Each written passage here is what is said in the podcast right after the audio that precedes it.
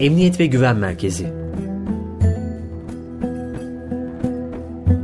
Uzun bir ayrılıktan sonra Allah Resulü yeniden Medine'deydi. Medine'de artık yeni bir dönem başlamıştı. İnsanlar gruplar halinde Medine'ye geliyor, Efendimiz'i ziyaret ediyor ve İslam dinine giriyor, imanla şerefleniyordu. Daha düne kadar savaşların eritip tükettiği Medine 9 yıllık süreç içinde eski günlerini geride bırakmıştı.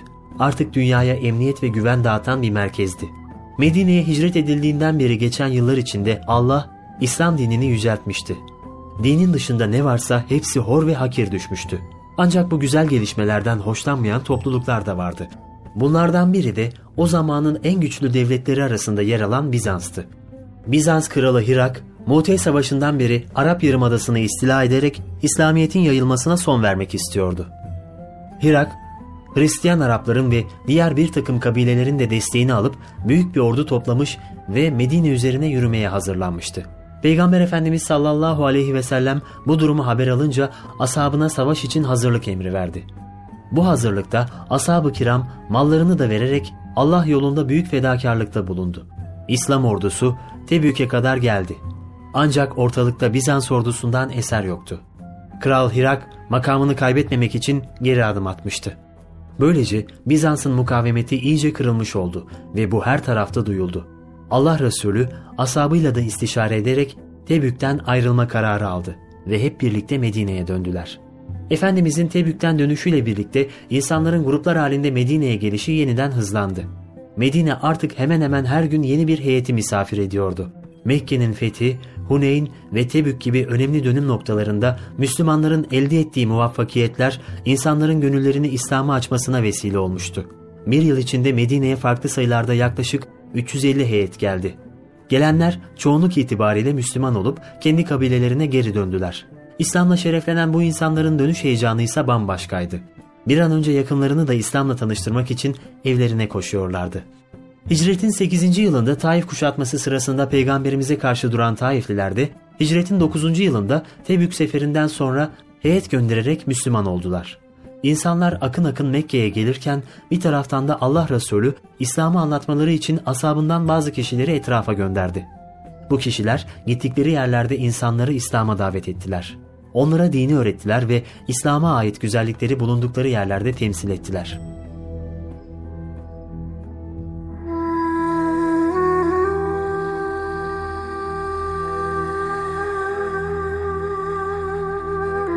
İlk ve son hac.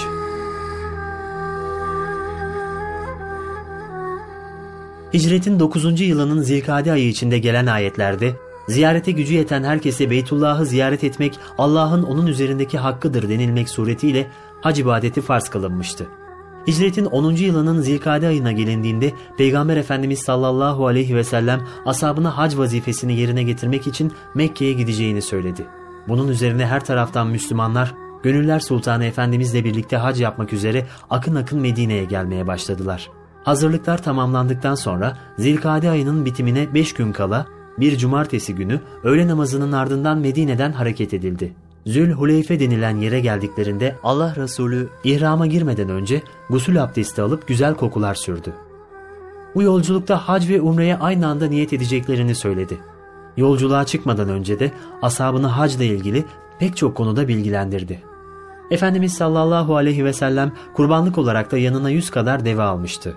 Terbiye ile yola giren Allah Resulüne ashabı da katıldı ve müminler Lebbeyk, Allahümme lebbeyk, lebbeyk la şerike leke lebbeyk, innel hamde ve nimete leke vel mülk la şerike lek diyerek Mekke'ye doğru yola çıktılar. Hicret yolu takip edilerek yapılan yolculuğun ardından Zilhicce ayının dördüncü günü Mekke'ye varıldı. Peygamber Efendimiz hemen Kabe'ye yöneldi. Rüknü selamladı ve ardından tavafa başladı. Tavafını bitirir bitirmez de makamı İbrahim'le Kabe arasında iki rekat namaz kıldı. Bu namazda Kafirun ve İhlas surelerini okudu. Sonra yeniden rükne gelip onu selamladıktan sonra Safa'ya yöneldi. Safa ile Merve arasındaki sayini tamamlayıp Safa'nın üzerine çıktı ve Kabe'ye dönüp tekbir getirdikten sonra ellerini kaldırıp dua etti. Pazar gününden itibaren dört gün Mekke'de kalan Allah Resulü sallallahu aleyhi ve sellem ashabıyla birlikte Zilhicce'nin sekizinci günü Mina'ya yöneldi. Nemira denilen yerde kendisine bir çadır kuruldu ve Efendimiz Aleyhisselam burada beş vakit namazını kıldı. Zilhicce'nin 9. günü yani Arefe günü Arafat'a gelinmişti. Allah Resulü Arafat Vadisi'nin ortasında öğleden sonra devesi kasvanın üzerinde etrafında 120 bin sahabiye veda hutbesini okudu. Hak din İslam'a dair son nasihatlerini verdiği hutbenin sonunda ''Ey insanlar! Yarın beni sizden soracaklar. Ne diyeceksiniz?'' buyurunca Müslümanlar Allah'ın dinini tebliğ ettin, vazifeni yerine getirdin, şehadet ederiz dediler.'' Bunun üzerine Efendimiz sallallahu aleyhi ve sellem mübarek şehadet parmağını kaldırdı ve sonra cemaatin üzerine çevirip indirerek ''Şahit ol ya Rab, şahit ol ya Rab, şahit ol ya Rab'' buyurdu. Daha sonra Efendimiz sallallahu aleyhi ve sellem o günün akşamına kadar kıbleye dönmüş olarak burada durarak vakfe yaptı. Müzdelife ve Mina'dan sonra da kurbanlar kesildi. Allah Resulü'nün veda tavafını yapmasının ardından Medine'ye dönüldü. Ashabıyla vedalaştığı bu hac, Efendiler Efendisi'nin yaptığı ilk ve son hac oldu. Beraberindeki binlerce Müslüman da geldikleri yerlere dönüp hak din üzerine yaşamaya ve İslam'ı yaymaya devam ettiler.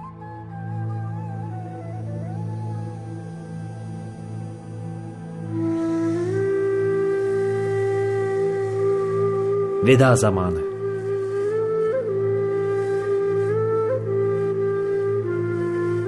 Peygamber Efendimiz sallallahu aleyhi ve sellem veda hutbesini okuduğu gün Maide suresinin bugün sizin dininizi kemale erdirdim.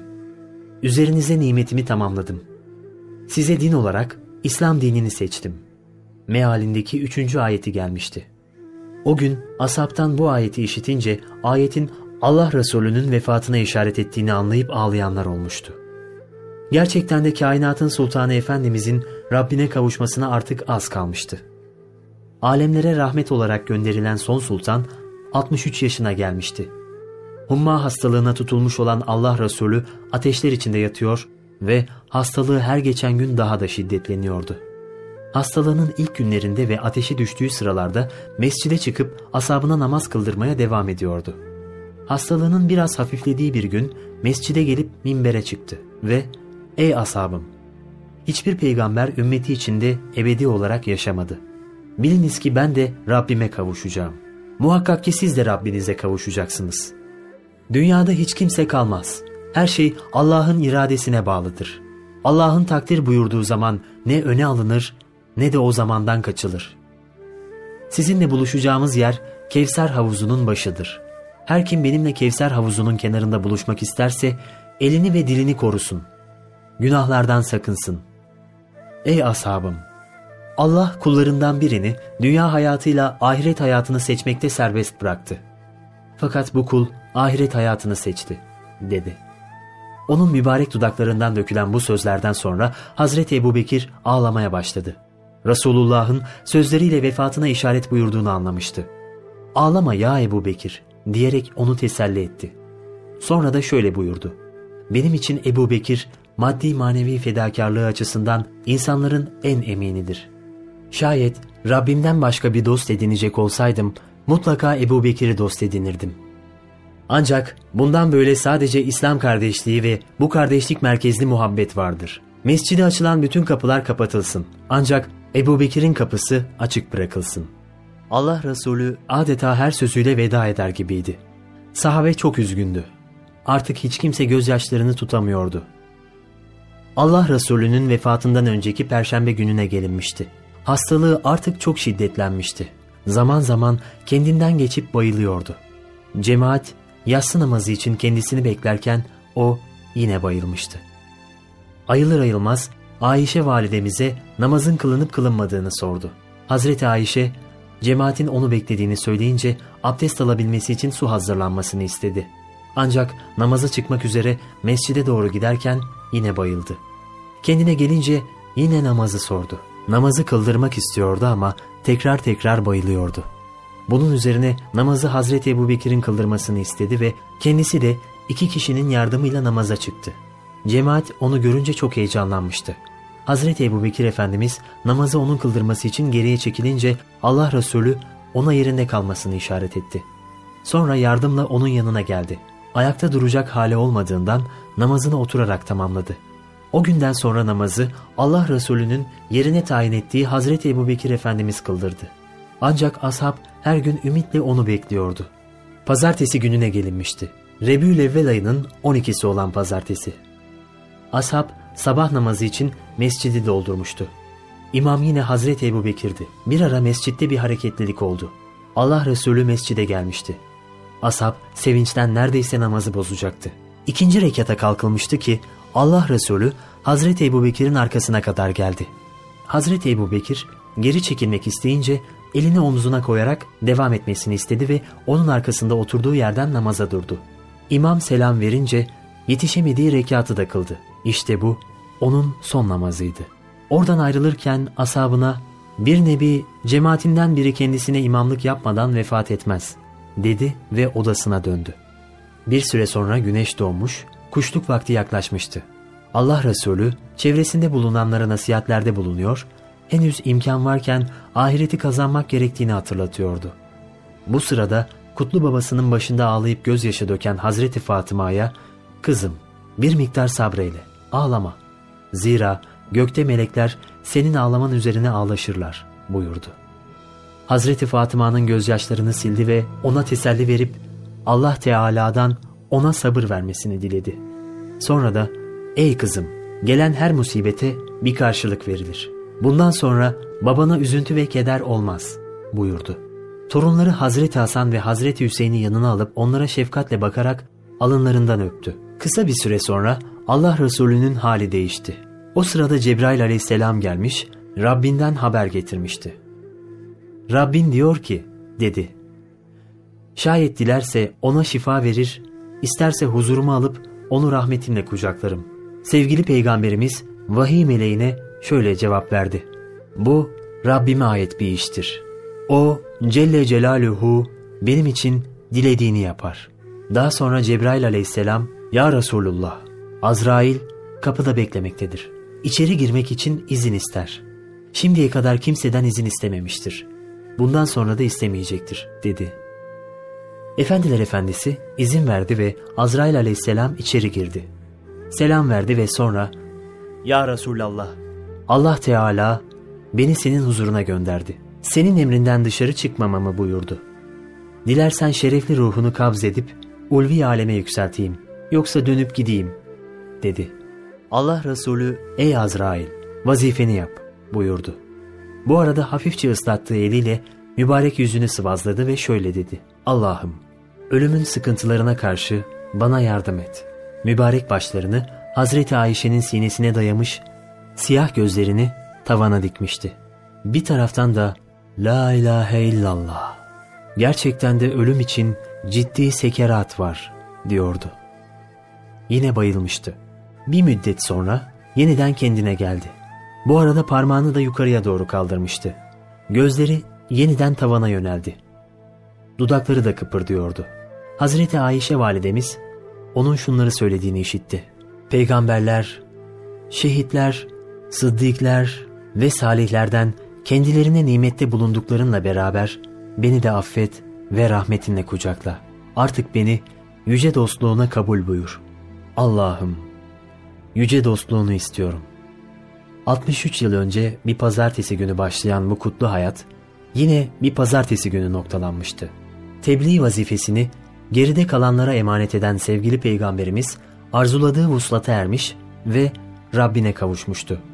Müslümanlar Efendimizin vefatı üzerine kelimelerle tarif edilemeyecek kadar çok üzülüp pek çok gözyaşı döktüler. Her şeyi onunla görmüş, onunla bilmişlerdi. Dünyayı, ahireti, cenneti, cehennemi, ümidi. Onun sayesinde sahipsiz kalmaktan, yok olmaktan kurtulmuşlardı. Ölümden korkmamayı, ebediyeti arzulamayı onunla bilmişler, alemlerin Rabbini onunla tanımışlardı. Onun dizinin dibinde yıllarını geçirme şerefine erişmiş sahabe olmuşlardı. Bizlerse onu hiç görmedik. Hep onun hayalleriyle yaşadık. Kardeşlerim ahir zamanda gelecektir buyuran son sultanın kardeşlerim dediklerinden olmaya talip olduk. Yüce Allah bizlere bu dünyada gönüllerimizin sultanı Efendimizin yolundan ayrılmamayı ve cennette onunla beraber olma şerefine erişebilmeyi nasip etsin. Bütün minnet ve şükranlarımız senin üzerine, şefaatin bizim üzerimize olsun ey Efendimiz.''